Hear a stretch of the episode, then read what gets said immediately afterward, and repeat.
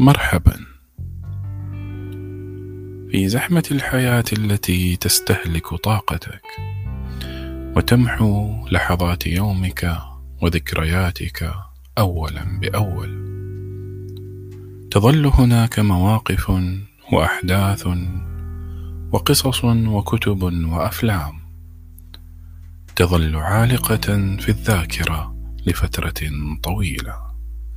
رغم صخب الأحداث اليومية وضغوطها بل وربما تمكنت من التسلل إلى أعماقك وغيرت شيئا ما في تكوينك وفي الطريقة التي تتخيل بها العالم.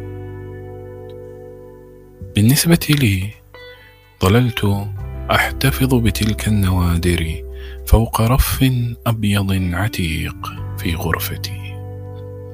كي تذكرني كلما نظرت إليها بأن الحياة الحقيقية ليست كما تبدو وأن في زواياها ما يستحق الاحتفاء ومشاركته مع الأصدقاء في الليالي الماتعة.